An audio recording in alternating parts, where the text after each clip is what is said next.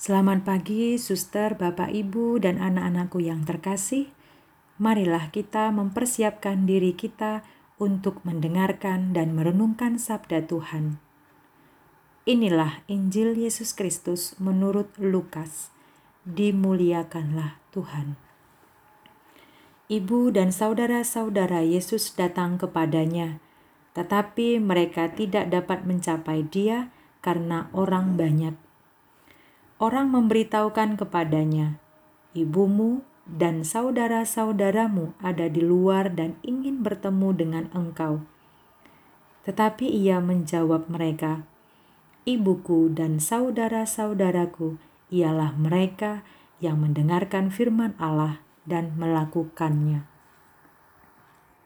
Demikianlah sabda Tuhan, terpujilah Kristus. Ibuku dan saudara-saudaraku ialah mereka yang mendengarkan firman Tuhan dan melakukannya. Suster, Bapak, Ibu, dan anak-anakku yang terkasih, pernyataan ini merupakan gambaran tentang Allah yang mengasihi setiap insan.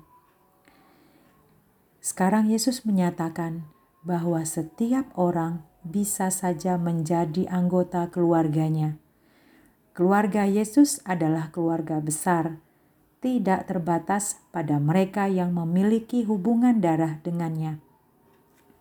Kita semua diundang untuk masuk dalam kesatuan dengannya untuk menikmati kasih dan hidup yang berkelimpahan. Untuk menjadi anggota keluarga Yesus, tentu ada syaratnya, yaitu mendengarkan firman Allah dan melakukannya. Yesus ingin menegaskan bahwa tidak ada jarak yang menghalangi antara Dia dengan setiap orang yang mau taat kepadanya. Sebagai murid-murid Yesus, kita perlu memperhatikan hal itu dengan baik. Kita sudah menanggapi panggilan Yesus untuk mengikuti dirinya. Mungkin kita juga sudah membaca dan mendengarkan firman Allah dalam kitab suci mengikuti perayaan Ekaristi, bahkan mungkin setiap hari. Pertanyaannya adalah, sudahkah kita melakukan apa yang kita dengarkan itu? Teori tanpa praktik tidak ada gunanya. Bila kita tahu apa itu kasih, maka dalam kehidupan kita sehari-hari kita pun mau mengasihi orang lain karena itu, marilah kita menyelaraskan hubungan keberimanan kita dengan Tuhan dengan tindakan yang kita lakukan. Melakukan sabda Tuhan berarti melakukan hal-hal baik yang dilakukan Tuhan dalam hidupnya.